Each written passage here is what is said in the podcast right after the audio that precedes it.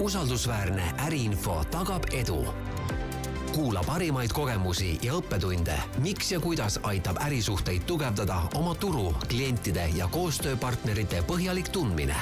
podcasti toetab Kredit Info, Eesti suurima äriinfo andmebaasi ja maksehäireregistri haldaja tervist, minu nimi on Hando Sinisalu ja tere kuulama krediitinfo saadet nimega Kreditcast. ja täna on juttu ettevõtetest, kes on usaldusväärsemad kui teised. ja uurime siis äh, selle põhjuseid, et miks äh, mõni ettevõte on usaldusväärsem kui teine ja kuidas seda usaldusväärsust ja pikaajalisust, kestvust saavutada aga enne kui me avalikustame teile, millise ettevõttega täna tegu on, eh, uurime krediitinfo turunduseksperdi Rain Uuseni käest seda, et millise metoodika alusel üldse krediitinfo ettevõtteid eh, hindab ja, ja mille järgi eh, teie reitingud siis otsustavad, et, et üks või teine ettevõte on usaldusväärsem kui teine ja tere sulle ka, Hando. Ähm, see reitingute arvutamise äh, mehhanism on äh, tegelikult või see algoritm on tegelikult päris keeruline ja see võtab arvesse üle neljakümne erineva äh, muutuja. aga kui nüüd püüda seda niimoodi lihtsustatult inimkeeli lahti seletada, siis esiteks me arvestame ettevõtte poolt esitatud majandusaasta aruandeid ja võtame sinna juurde ka äh, igasugused näitajad, mis puudutavad siis äh, suhtarve ja maksekäitumist ja, ja kogu selle suure andmestiku alusel siis jaotab äh, algoritm ettevõtte krediidireitingud kolmele tasandile A, B ja C. Ja kui me räägime edukatest Eesti ettevõtetest või ettevõtetest, kes töötavad stabiilselt, Äh, majandusnäitajate vaates, siis äh, nemad on saanud äh, A krediidireitingu. Ja see A krediidireiting jaguneb omakorda veel heaks, väga heaks ja suurepäraseks. et siis kas siis üks A, kaks A-d või kolm A-d. ja, ja need on ettevõtted, keda me ise ütleme äh, väga uhkelt, et on, on äh, Eesti majanduse vedurid, sellepärast et äh, hoolimata sellest, et meie ümber toimub elu ja kõik muutub kogu aeg, siis on nemad suutnud oma äri kuidagi niimoodi korraldada, et nad suudavad hoolimata kõigest olla stabiilsed turul ja kõige selle juures veel kasvada ka. Aga nüüd see ettevõte, kellest täna juttu tuleb, on Adinol Eesti ja me räägime juttu selle ettevõtte ärijuhi Tiina Suiaga. Ja äh, huvitab siis see, et äh, kuidas on võimalik ühel ettevõttel, arvestades meie ajalugu, kus üks kriis algab ja teine lõpeb äh,, tulla läbi nendest erinevatest kriisidest ja raskustest niimoodi, et kogu selle aja jooksul säilitada väga hea krediidireiting. Sest äh, eks ole ju need kriisid erinevad ja ka erinevad sektorid saavad teinekord rohkem põh-, pihta, aga aga see, kui on õnnestunud läbi tulla juba nii mitmest erinevast kriisist, see näitab ikkagi seda, et midagi selles ettevõttes on äh, nagu fundamentaalselt äh, õigesti, et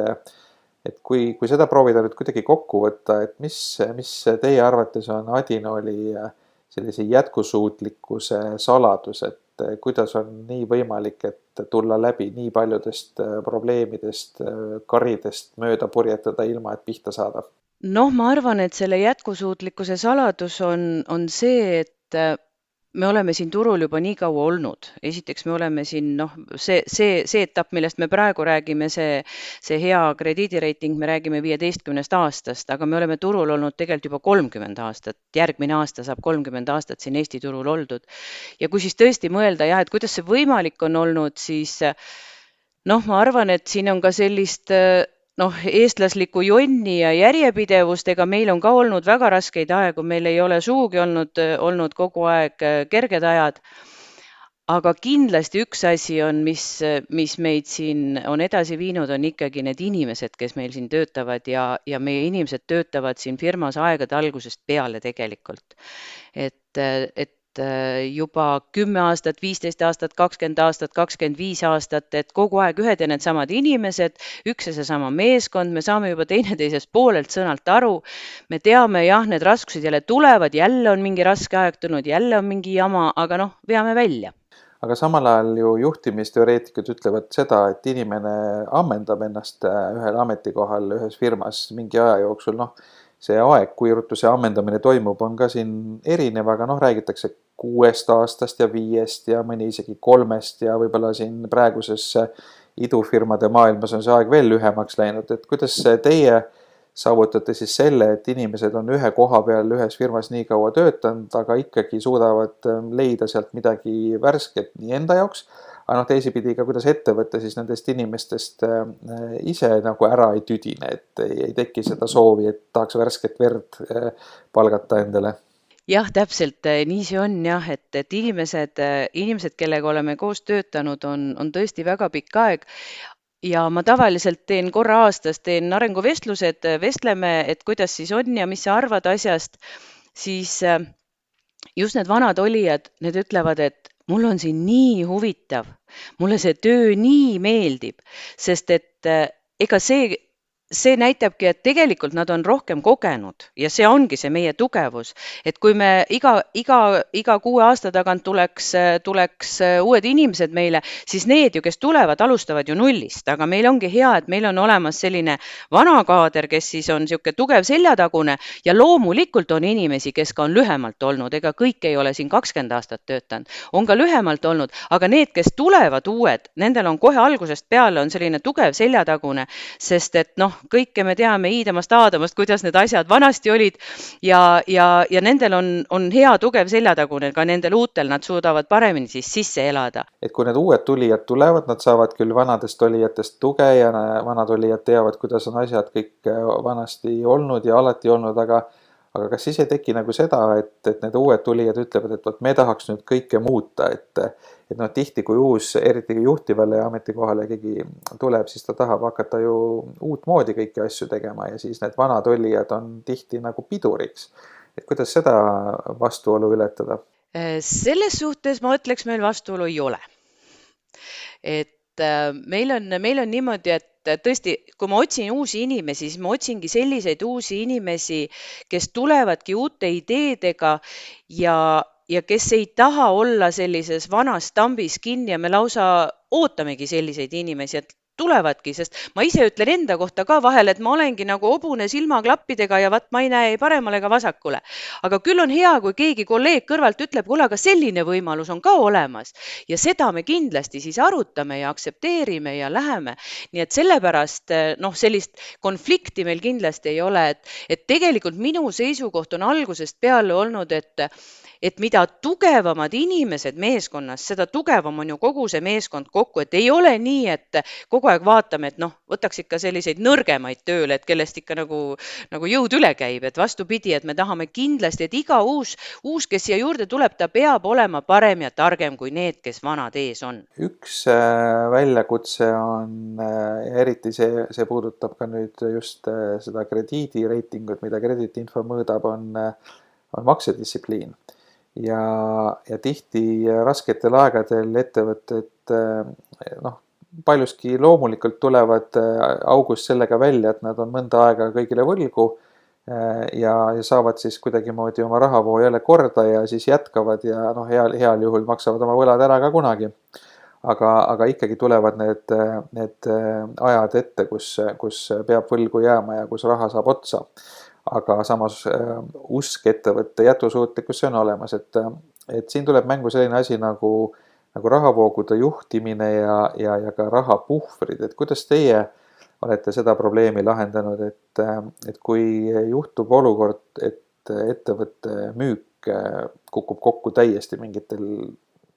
seninägemata põhjustel, et kui kaua te vastu peate, et, et edasi kesta ja ilma, et kellelegi tuleks võlgu jääda. Noh, kui me rahavoogudest räägime ja, ja üldse võlgu jäämisest, siis eh, noh, meie oleme siin Eestis, me kuulume sada protsenti Saksa tootjale ehk siis meie emafirma on Saksamaal ja kellele meil võlgu jääda on, on ainult oma emafirmale. ja kuna me oleme kolmkümmend aastat koos töötanud ja meil on täielik usaldus eh, üksteise suhtes, siis selle, noh, siin ei ole meil raha, rahaasjadega pole meil küll kunagi probleemi olnud, et noh, me ise näeme, me oleme ise hoolsad, see on meie, meie kohus ju saada, saada turult raha tagasi. ja, ja seda me oleme ka siiani saanud ja meil ei ole, meil ei ole selles suhtes jah, kui ma nüüd ajaloos tagasi mõtlen, siis on olnud küll jah, paar valusat lööki, kus me polegi seda raha tagasi saanud, aga noh, see oli kusagil, üks suur pauk oli kaks tuhat kaheksa aasta ja see oli tegelikult Venemaal, sest me müüme ka müüme ka Venemaale. Ja seal tõesti jah, üks, üks, üks klient jäi meile palju võlgu. aga noh, kõik need, kõik need asjad oleme saanud üle elada, meil ei ole kindlasti olnud mingeid suuri auke ja suuri probleeme rahadega et see partneri tausta tundmine on muutumas järjest oluliseks ja olulisemaks ja, ja see on ka üks koht, kus, kus ilmselt õnnestuks vältida seda, et keegi võlgu jääb, et kui partneri tausta hoolega kontrollida, et siis noh, näiteks kui, kui ajada asju Adinoliga, siis ilmselt see, et teil on juba viisteist aastat väga hea reiting, näitab seda, et ilmselt oht, et te võlgu jääksite, ei ole väga suur aga noh, te müüte nüüd oma tooteid igasugustele väiksematele firmadele erinevates riikides, et kuidas teie nende tausta kontrollite? kui kindlad te saate olla, et, et sealt ikka see raha, raha kätte tuleb? no kui me Eesti turust räägime, siis Eesti turul on muidugi jah e, e-krediidi info, kust me siis vaatame tausta ja siis, aga, aga, aga me, kuna meil on jah, läbi Eesti me müüme ka veel Venemaale, Ukrainasse, Valgevenesse, Läti, Leedu, Bulgaaria, Moldova, meil on päris suur geograafia. et seal on meil tegelikult juba oma, oma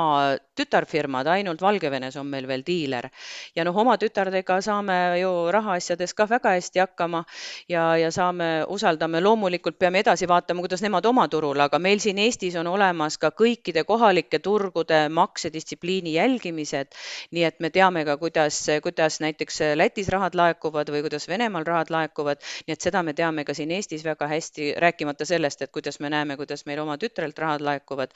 Eh, nii et selles suhtes eh, on, on jah, see, see raha, rahaliin on meil üsna kontrolli all. aga Tiina, kui sa nüüd mõtled tagasi sellele kaks tuhat kaheksa kriisi ajale ja ja sellele Vene ettevõttele, kes jäigi teile lõpuks võlgu, et et äh, ja võrdled neid tööriistu, mis olid toona kättesaadavad selleks, et, et äh, teada ja tunda seda oma koostööpartnerit või klienti ja need tööriistad, mis on täna, et mis siis toona tegemata jäi? ei no ega tegemata ei jäänudki midagi, lihtsalt äh, me andsime, andsime kauba välja ja, ja kuna müügid läksid ju hästi, eriti just kaks tuhat seitse, kaks tuhat kaheksa, kõik läks ju ülesmäge ja see hurraa oli päris suur, siis, siis lihtsalt noh, ütleme, et vale, vale partner oli, kes ei olnud aus ja ta lihtsalt kasutas seda ära. meil on olnud ka vara, varasemalt selliseid juhtumeid, ütleme Ukrainas on meil samasu, samasuguseid juhtumeid olnud, et, et partner jääb meile öö, palju võlgu. aga ta on olnud aus inimene ja ta ütleb, et jah, ma tasapisi maksan teile kõik ära ja tõesti, kõik on, kõik on lõpuks, lõpuks oleme meie oma raha kätte saanud. alati on lihtsam öelda, et äh, firma läks pankrotti, raha ei ole, kogu lugu ja vot tookord lihtsalt oligi jah, et ja, ja muidugi jah, kui küsimus on, et mida me näiteks sellest õppisime, sellest kaks tuhat kaheksa aasta kriisist Venemaal, õppisime küll, et et jällegi seesama asi, et kuidas meie firmas asju aetakse, et Venemaa turujuht ütles, kes meil siin Eestis asub äh, aegade alguses, et vot Venemaal tuleks üldsegi müüki arendada niimoodi, et maksimaalselt läbi diilervõrgu ja seda me tegimegi ja läks täitsa hästi, kuni siis kaks tuhat kaheksa saime, saime kõva laksu sellelt ühelt diilerilt, kes siis meid, meid pettis ja alt vedas ja firma pankrotti lasi ja raha ära ei maksnud. aga pärast seda hakkas seesama turujuht mõtlema, et aga võib-olla ei ole õige teha läbi diilerite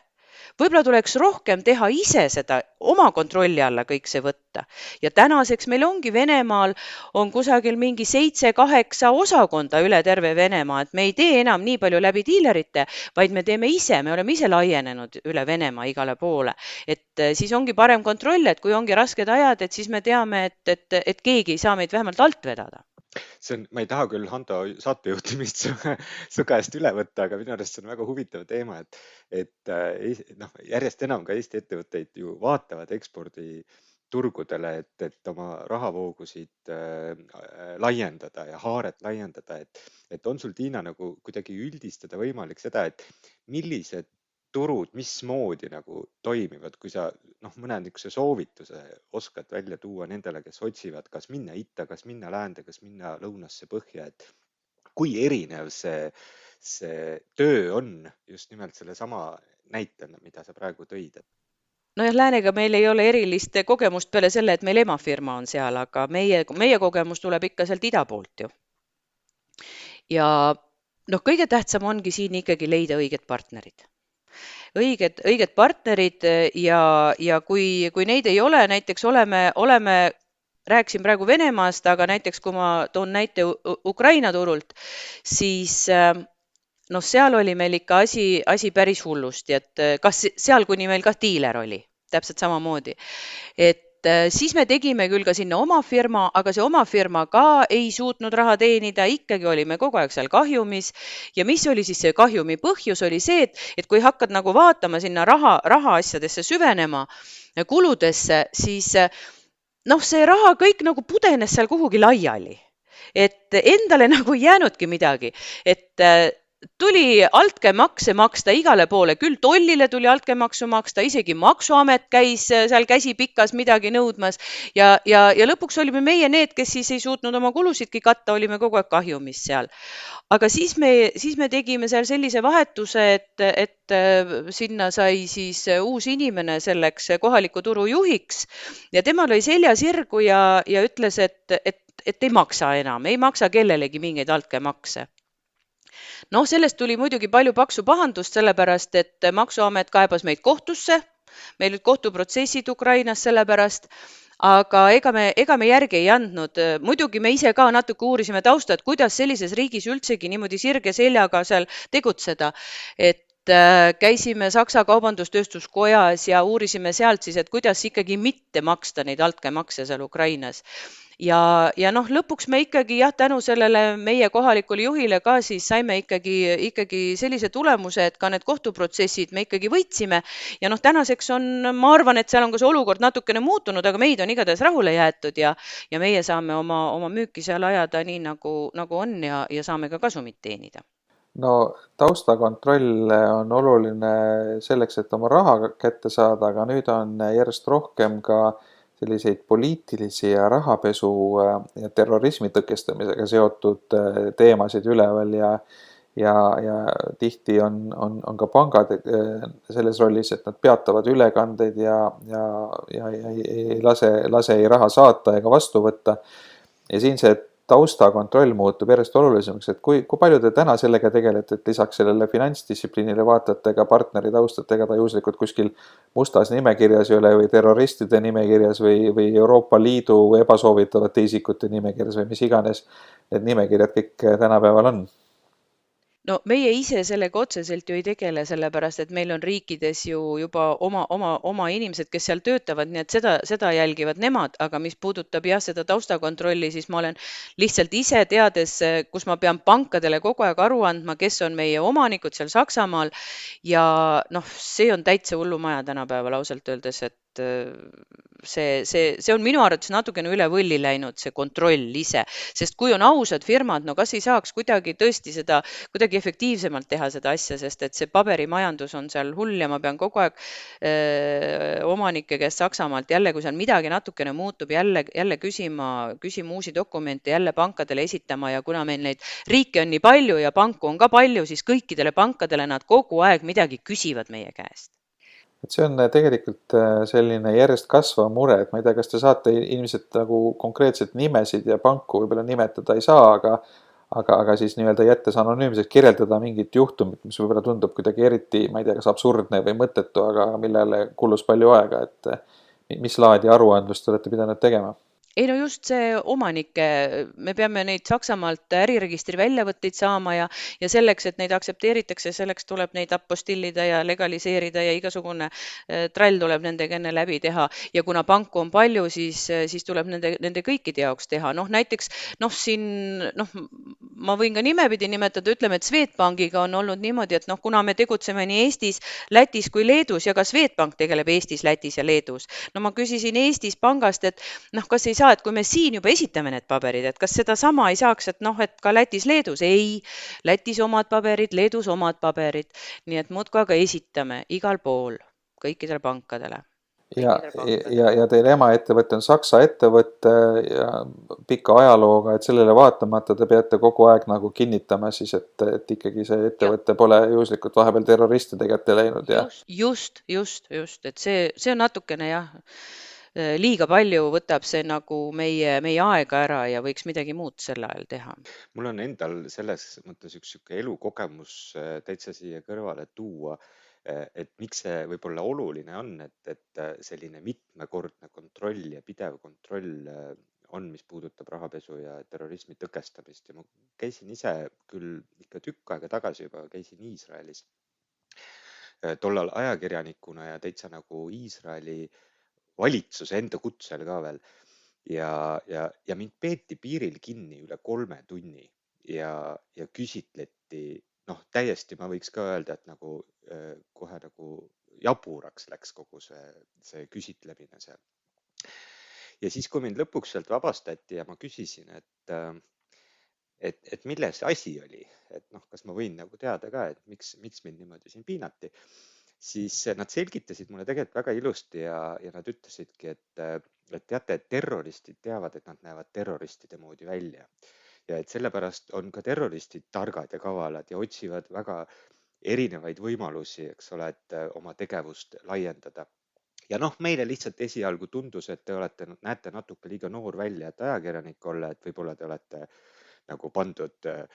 terrorismi äh, sinna etteotsa kuidagi, eks ole. et, et ma arvan, et sama selline taustsüsteem on ka selles ähm, Äh, know your customer või tunne oma klienti põhimõtete rakendamises, et, et ega ei saa kedagi päris lõpuni nagu rahule jätta, eks ju, sellepärast et, et kui väga pikalt jätad rahule, siis tekib nagu ohuvõimalus, et, et keegi avastab selle augu ja hakkab ikka ära kasutama, et, et see, see on võib-olla see, see äh, püüdes mõista nagu seda teist poolt on ilmselt see, see järjepidevuse põhimõte on see, mis tagab selle, et, et ausad saavad ausalt äri teha ja, ja pätid võetakse kinni. usaldusväärne äriinfo tagab edu. kuula parimaid kogemusi ja õppetunde, miks ja kuidas aitab ärisuhteid tugevdada oma turu, klientide ja koostööpartnerite põhjalik tundmine podcasti toetab Kreditinfo, Eesti suurima äriinfo andmebaasi ja maksehäireregistri haldaja. Aga räägime Adinolist veel, et me rääkisime ajaloost ja minevikust, et te olete väga pikalt eh, suutnud väga head reitingut hoida, ettevõte ise tähistab eh, peagi kolmekümnendat sünnipäeva. aga kuidas te vaatate nüüd tulevikule, et mis, eh, mis motiveerib teid, Tiina pärast nii pikka, nii pikka karjääri ühes ettevõttes edasi tegutsema, et kust te leiate seda, seda püssirohtu või motivatsiooni? Noh, kõigepealt, kui tagasi vaadata, jah, siis kolmkümmend aastat on juba seda püssirohtu leidunud et äh, mitte ainult minus, vaid vot täpselt seesama asi, et kogu, kogu meeskonnal peab seda, seda vunki sees olema, et, et tahame seda asja teha ja tõesti, et see jätkuvalt tundub meile huvitav ja, ja ligitõmbav. et et mina olen, mina olen ühest, ühest raamatust palju, palju abi saanud ja see on Stephen Covey Väga efektiivse inimese seitse harjumust. Ja me oleme ka firmasiseselt sellel teemal koolitusi teinud ja, ja see just ongi üks asi, mis kindlasti aitab meil ka pikalt niimoodi, niimoodi heas konditsioonis püsida, sest et, et seal seitsme harjumuse viimane harjumus on see, et iseenda sisemist saage kogu aeg teravana hoida ja, ja seda kogu meie, meie firma teab, et oma saak tuleb alati terav hoida. aga selleks tuleb siis ka muidugi vaeva näha ja, ja noh, ongi, et näiteks kui inimesed puhkusele lähevad, siis nad ütlevad, et ma lähen nüüd oma saage teritama. et, et see on, see on kindlasti, kindlasti üks asi, mis meid on siiamaani teravana hoidnud ja hoiab kindlasti ka edaspidi. aga kui nüüd pikalt ette vaadata, noh mul saab järgmine aasta jah, kolmkümmend aastat ja ega see pensioniiga ei ole ka enam kaugel, nii et ma vaikselt mõtlen, et, et võiks ka, võiks ka rahulikumalt võtta mm. -hmm. Aga mis sellised äh, lähema aja plaanid teil on, et, et eks iga ettevõte, noh, öeldakse ju seda, et paigalseis on tegelikult tagasiminek, et et kui edasi ei arene, kui ei kasva, et siis, siis tegelikult noh, konkurentsis jääd alla. Et mis, äh, kuidas teie tulevikku planeerite ja seda kasvu ja laienemist, et, et äh, mis potentsiaali te näete? No meie oleme te, öö, oma, oma tuleviku kasvu ja potentsiaali muidugi noh, nagu siianigi oleme kõvasti sidunud ju oma emafirmaga ehk siis nende toodetega, mida me esindame. ja selles suhtes on meil, on meil igatahes tööpõld väga lai ka tulevikus, et Äh, meil on olemas äh, sellised tooted, äh, kus me saame tõesti kliendile pakkuda sellist lisandväärtust ja me lahendame kliendi probleemid ja sellepärast ma ei näe üldse mitte mingisugustki probleemi niimoodi edasi, edasi minna oma, oma firmaga kõikides nendes riikides, kus me tegutseme, ükskõik, kes seda, kes seda ettevõtet siis juhib, igal juhul on meil, on meil potentsiaali väga-väga palju ja, ja, ja arenemisvõimalusi on ka aga mis see kõige suurem väljakutse teie jaoks on praegu, et ma saan aru, et, et üks asi on, on töö inimestega, see klassikalised juhtimise väljakutsed, aga aga noh, eks, eks konkurents ju turul ka kogu aeg kasvab ja, ja konkurendid ka arendavad tooteid ja võib ühel hetkel juhtuda, et, et lähevad teist mööda ja kaotate turuosa ja ja see, see müügi, müügi ja turunduse osa. Ja noh, eks, eks siis selline noh, üleüldine äri selline käigus hoidmine ka nõuab ju energiat, et, et kõik asjad tasakaalus oleks, et kui te nüüd vaatate neid erinevaid tööalaseid, juhtimisalaseid väljakutseid, et mis, mis teie jaoks kõige sellisem suurem, kõige kõvem pähkel on? no väljakutseks, ühesõnaga meie, meie firma sees on lihtsalt, meil on ma tahan, et meie inimesed oleksid targad ja et me saaksime pakkuda oma klientidele parimaid lahendusi, ehk siis näiteks kui on mingi tööstusettevõte ja kui sinna alguses minna ja küsida, et noh, kas teil probleeme ka on, enamus ütlevad ju kõik, et ei, meil on kõik hästi, aitäh, meil ei ole midagi vaja. aga vot selline usaldus tuleb võita ja kui võidad usalduse, siis hakkad ikkagi kuulma, et, et vot, et siin on midagi ja seal on midagi ja vot see ongi nagu meie väljakutse, et, et et eh, noh, natukene nagu võrrelda seda kas sellise Sherlocki tööga, et vot selline minek, et vot, et ahah, et see selline probleem on neil, aga kuidas meie saame selle probleemi lahendamisel kaasa aidata? ja, ja see on ka kindlasti väga tähtis, et kui kui see konkreetne inimene meie firmast ei oska seda lahendust pakkuda, siis ta tuleb ja küsib teistega, peab nõu, et kuulge, seal on selline asi, et mis teie arvate. ja see on meil ka väga heal tasemel, et meil ei ole firmasisest sellist konkurentsi, et keegi hoiab nagu teadmisi enda sees. kuigi ma olen ka selliseid inimesi kolmekümne aasta jooksul kohanud, kes, kes nagu ei taha oma tarkust teistele jagada. aga, aga õnneks meil on ikkagi inimesed sellised, kes hea meelega jagavad oma tarkusi ja vot see ongi see väljakutse, et et me lahendame need olukorrad ja klient on siis meile tänulik. ja, ja see ongi see, mis tegelikult ka kogu sellel meeskonnal siin silma särama paneb ja ja tõesti, tõesti on, on ühelt, ühelt poolt on ta väljakutse, aga teiselt poolt on ka see tõesti see pähkel, mis on meil vaja siis katki hammustada ja, ja no mida me siiani oleme edukalt äh, ragistanud. me räägime juttu äh, Adinol Eesti ärijuhi Tiina Suia ja krediitinfo turunduseksperdi Rain Uuseniga, mina olen Hando Sinisalu ja me räägime ettevõttest Adinol,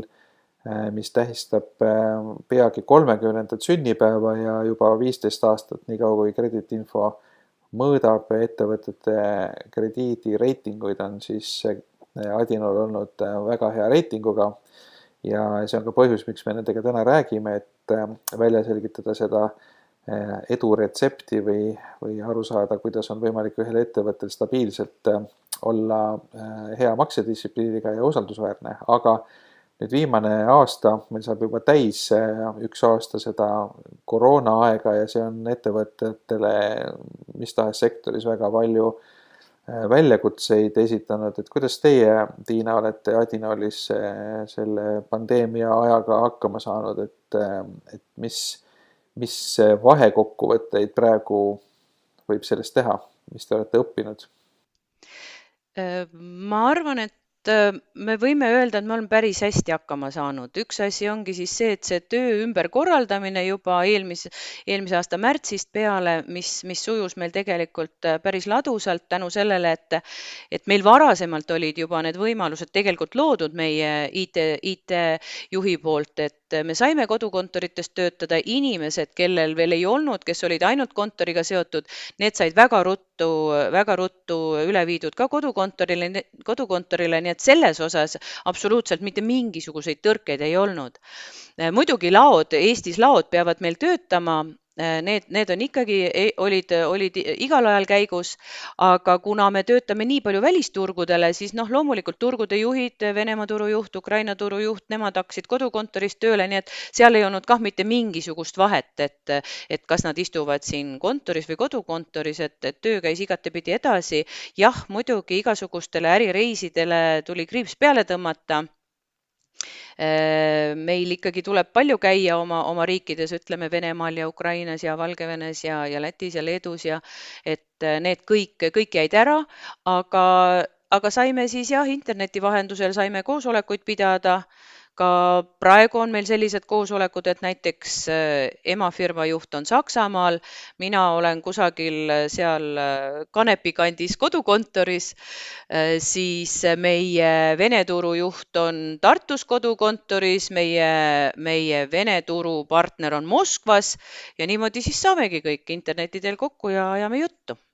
no paljud ütlevad, et ikkagi äh, sellised hädapärased asjad saab aetud niimoodi, aga, aga ikkagi miski ei asenda sellist päris inimlikku suhtlust. ja, ja tegelikult selliseid äh, noh, olemasolevaid suhteid võib-olla hoida üle, üle interneti on lihtsam, aga uusi kontakte luua ja usaldust äratada on ikkagi päris raske, et äh, kas te tunnete sedasama, et, et nagu äh, nagu sellise stabiilsuse hoidmine või vanade suhete hoidmine veel kuidagi toimib, aga, aga nagu selliseid uusi, uusi kontakte on ikka väga raske niimoodi luua. jah, on, on küll jah, uusi, uusi kontakte on kindlasti raske luua ja eks see kõik olegi noh, ikka läbi häda teeme seda asja praegu, et loomulikult on palju parem silmast silma kokku saada, et nüüd, nüüd alles tunneme seda, alati on nii, et et see, millest ilma jääd, siis saad alles siis aru, kui hea see oli, kui sa sellest ilma oled jäänud. et ega praegu ka sellest äh, vabast suhtlemisest ja noh, sellest oleme praegu ilma ja loomulikult tahaks seda tagasi. aga kuidas see töötajate distsiplineerimine käib, et see on üks suur äh, väljakutse ja paljud juhid tegelikult nagu noh, kardavad seda, et, et nad ei suuda inimesi jälgida, et kui nad on kontoris, kõik on silma all, sa näed, mis ta teeb, vähemalt kui ta istub arvutis, et okei okay,, et sa ei tea, mida ta seal teeb, aga vähemalt ta, ta nagu on, vaatab ekraani, et ei ole kuskil äh, kohvikus või, või õues jalutamas, aga nüüd kodukontorite puhul on väga raske siin seda vahet tõmmata ja tegelikult kontrollida või aru saada, mida inimesed seal kodus siis ikkagi teevad, et kuidas nagu sellist juhtimisväljakutset olete lahendanud? no sellega ei ole meil ka probleeme, sellepärast et tegelikult me oleme algusest peale, ma olen alati öelnud kõikidele inimestele, et tagumikutunde meil ei ole vaja teha. ei ole vaja istuda kaheksast viieni sellepärast, et siis kust pastakas kukub käest ja lähen ära. tegelikult me oleme kogu aeg olnud orienteeritud tulemusele ja kui sa oled tulemusele orienteeritud, siis pole vahet, kust sa seda teed, tulemus tuleb ikka ära teha. Nii et sellepärast minul seda hirmu ei ole, et, et inimesed ei, ei tee piisavalt tööd. vastupidi, meil on sellised inimesed, keda tuleb tagasi hoida, et täitsa tõesti jah, et noh, näha on, et kirjadele tulevad vastused ei tea mis kell öösel ja, ja, ja nii et, et hoopis sellega on meil vahel probleeme, et, et liiga palju teevad inimesed tööd, et ikka puhake ka natukene nii et äh, ei ole, seda ma ei karda, et, et kodukontor kuidagi jah, annab, annab halba, halba, halba tulemust tööle. kas teil on ka mingisugune reaalajas jälgimise süsteem, et te näete, et äh, noh, ma ei tea, keegi teeb müügikõnesid või, või, või mingit muud sellist tööd, et te nagu saate vaadata, et oo oh,, et viimase tunni jooksul on nii ja nii palju asju tehtud või, või töid, et, et kuidas te nagu äh,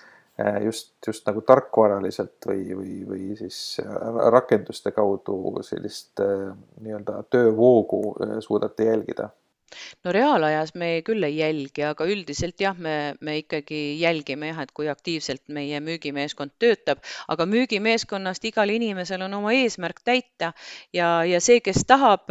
tahab seda eesmärki täita, ta peab iseennast ju ikkagi suutma motiveerida ja seda tööd teha, nii et ma arvan, mina olen alati arvanud, et sellised välised mõjutusvahendid eh, ei ole nii efektiivsed kui, kui inimene, kes tahab seda asja teha ja kellele on see huvitav ja kellel silm särab ja, ja siis tuleb see tulemus ilma igasuguse suurema kontrollita ka, et ma olen igasuguste noh, sellise väga kontrollimise vastane. No te olete korduvalt maininud seda, et kogu selle nii-öelda süsteemi aluseks on õiged inimesed, et, et kui tuleb neid usaldada ja nad on piisavalt stabiilsed ja, ja jagavad oma teadmisi teistega ja et siis kõik toimib ja pole neid vaja sundida ega kontrollida ega midagi, et kõlab väga lihtne. aga eh, nüüd eh, suur küsimärk selle süsteemi juures on see, et kuidas neid inimesi siis ikkagi leida. sest eh, heade inimeste puudus on kõikides ärisektorites kuidas teie inimesi valite, et kas teil on mingid põhimõtted, kuidas te tunnete ära, et vot see just on õige inimene sobib meie tiimi? jah, inimeste valikuga olen mina kõik need kolmkümmend aastat tegelenud, nii et kõik, kõik, kes siia kunagi on tööle võetud, need olen mina ise võtnud ja jah, inimeste, inimeste valik tuleb tunnistada, et on väga raske, sest et kui, kui ikkagi istud kandidaadiga niimoodi vastakuti, noh, ei näe selle inimese sisse, tahaks ju küll kõike teada saada, aga no ei oska. no meil on abiks olnud ka igasugused testid ja, ja sellised asjad ka, oleme neid kasutanud ja noh, muidugi taustauuring, Eesti on ju väike, saab ju küsida ja noh, loomulikult enne, enne luba küsida, et kas ma tohin sinu kohta uurida ja, ja et, et sellised, sellised asjad, sellised asjad kõik, kõik oleme ära kasutanud. aga jah, tuleb tunnistada, et ega, ega alati ikkagi ei ole osanud leida seda kõige õigemat inimest, sest et, et minul on ikkagi alati üks küsimus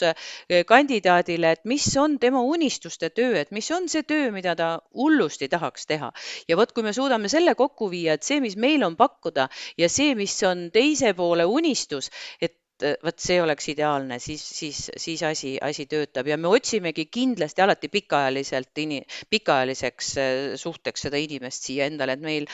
väga-väga pahasti on, kui, kui me oleme eksinud, aga, aga tuleb tunnistada jah, et äh, olen ka eksinud selle unistuste tööga muidugi on niimoodi, et noh, eks kõik ju unistavad kosmonaudiks saamisest või, või, või, või presidendiks või mingist sellisest väga suurest asjast, et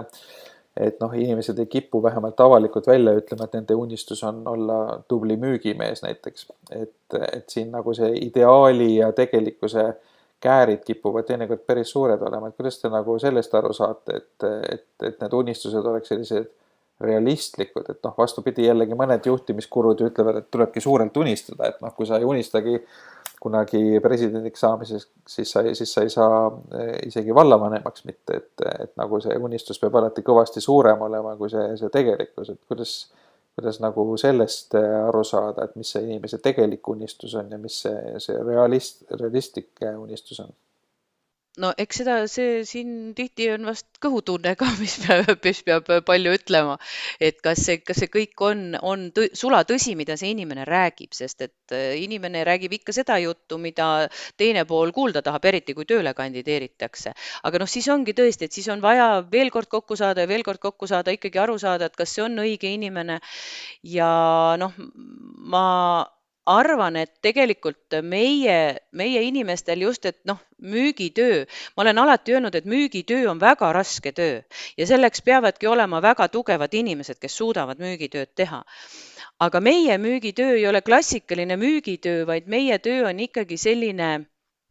kliendi aitamine et see on väga tähtis ja, ja lahenduste pakkumine, tehniliste lahenduste pakkumine, et selleks äh, ongi ideaalne inimene, kes meile siia sobiks, oleks just selline tehnilise taustaga ja ta ei pea olema selline särav jutumees, vaid ta peab olema tõesti, kes süveneb kliendi probleemi ja, ja kes selle asja ära lahendab. ja ma arvangi, et pikaajaliselt just ka selline töö just äh, ei, ei väsita ka seda müügiinimest nii, sest et tal on, tal on kogu aeg vaja pead murda, tal on vaja, vaja kogu aeg kliendile lahendusi pakkuda, et see ei ole lihtsalt, et osta ära, et mul on odavam asi.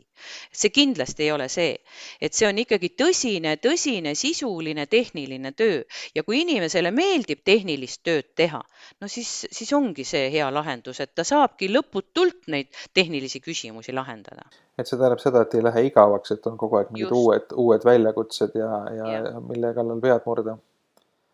Aga paljud juhid kurdavad seda, et äh, just praeguse põlvkonna nendel, kes äh, lõpetavad kooli ja tööjõuturule sisenevad, et nende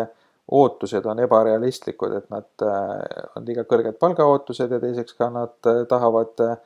võimalikult vähe ennast siduda, et oleks võimalikult palju vabadust ja, ja kõike seda, mis võib-olla tööandjale nii väga ei meeldi, et kas te nõustute nendega, kes ütlevad, et et just, just see viimastel aastatel tööjõuturule sisenenud põlvkond on, on kuidagi teistmoodi ja, ja mitte nii lihtne enam nendega hakkama saada, kui, kui võib-olla siis oli see kolmkümmend aastat tagasi, kakskümmend aastat tagasi, kui te alustasite? noh, võib-olla ma ei ole nüüd kokku puutunud nende kõige noorematega, aga kui meie, meie seltskonnas on kõige nooremad sellised kolmekümne kanti ehk siis minust poole nooremad. ja no nende suhtes mul ei ole küll ühtegi halba sõna öelda et kes meil siia uued inimesed on tulnud, on, on ikka sellised väga, väga asjalikud, väga tõsiselt suhtuvad oma, oma töösse ja, ja väga püüdlikud ja, ja, ja igatepidi väga-väga kiiduväärt inimesed, et, et ma olen praeguse meeskonnaga igal juhul väga-väga rahul.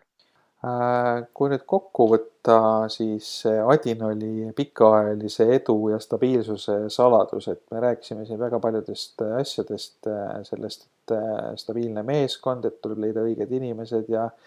ja mitte partnerid alt vedada ja kontrollida partnerite tausta ja, ja, ja kohaneda oludega, et et mis selline nagu kolme-neljalauseline eduvalem, et ma tean, et need eduvalemid tihti eh, nagu ei kehti kõigile, aga alati me tahame nendest kuulda, et kolm nippi, kuidas rikkaks saada või endale eh, õige kaaslane leida või kaalust alla võtta või mis iganes, et hästi populaarsed, et lähme siis seda libedat teed ja küsime teie käest ka, et mis need paar olulisemat nippi või saladust on selliseks pikaajaliseks edukaks äriks? no see on ikkagi ikkagi ma jällegi kordan ennast, aga need on ikkagi need inimesed. inimesed, keda saab usaldada, kelle, kellega sa koos töötades tead, et tema veab välja. et, et vahel on küll jah, mõne inimesega ongi selline tunne, et,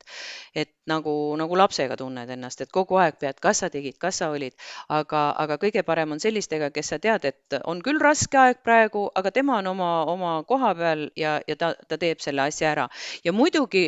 üks asi on head inimesed, teine asi on muidugi see, et meie selja taga on ikkagi Saksa määrdeainete tootja, kes on väga innovaatilise suhtumisega, kes pöörab suurt tähelepanu just ikkagi toote arengule, seda, et me ei jääks oma toodetega maha, vaid vastupidi, oleksime eespool. Niimoodi, et need, need ongi, see ongi selline ilus ümmargune, ümmargune asi, et meil kokku, et inimesed pluss, pluss korralik toode ja, ja see, et silm säraks, et saag oleks terav ja et see, see ongi see, mis meid on tegelikult hoidnud ja hoiab ka edaspidi. kuidas teie oma saagi teritate? mina oma saagi no seal ongi vaja, et sae teritamiseks peab olema füüsiline, hingeline, vaimne ja emotsionaalne pool, kõik peab olema korras. nii et noh, füüsiliselt ongi jah, et ma olen, ma olen kõva trennis käija. nüüd jah, juba varsti kolm kuud ei ole käinud et äh, olen, olen vaikselt ise, ise püüdnud natukene teha. Siis vaimselt ja hingeliselt jah, on kindlasti on, on sõbrad, sõbrad ja pere ja, ja kõik, kõik, kõik selline ring siis, et, et ka sellest seitsmest harjumusest on ka kõikidele meile ilusti meelde jäänud selline asi, et kui sa oma elu ehitad üles ainult ühe jala peale ja, ja siis, siis see jalg, juhtub midagi, see jalg kaob sul alt ära, siis sa kukud, kukud ikka väga kõvasti. aga kui sul enu, elus on ikkagi mitu tuge, kuhu toetada ja kui see üks tugi siis alt ära, ära kukub, siis sa ikka päris ninuli ei lenda, vaid sa jääd ikka püsti ja, ja taastud ja, ja et see, see on kindlasti, kindlasti see, mis, mis on, on tähtis meile aitäh, sellega on ilus lõpetada. meiega rääkis Adinol Eesti ärijuht Tiina Suia ja saates oli Kreditinfo poolt turundusekspert Rain Uusen. saadet juhtis Hando Sinisalu, aitäh kõigile kuulajatele, te kuulasite Creditcasti podcasti. usaldusväärne äriinfo tagab edu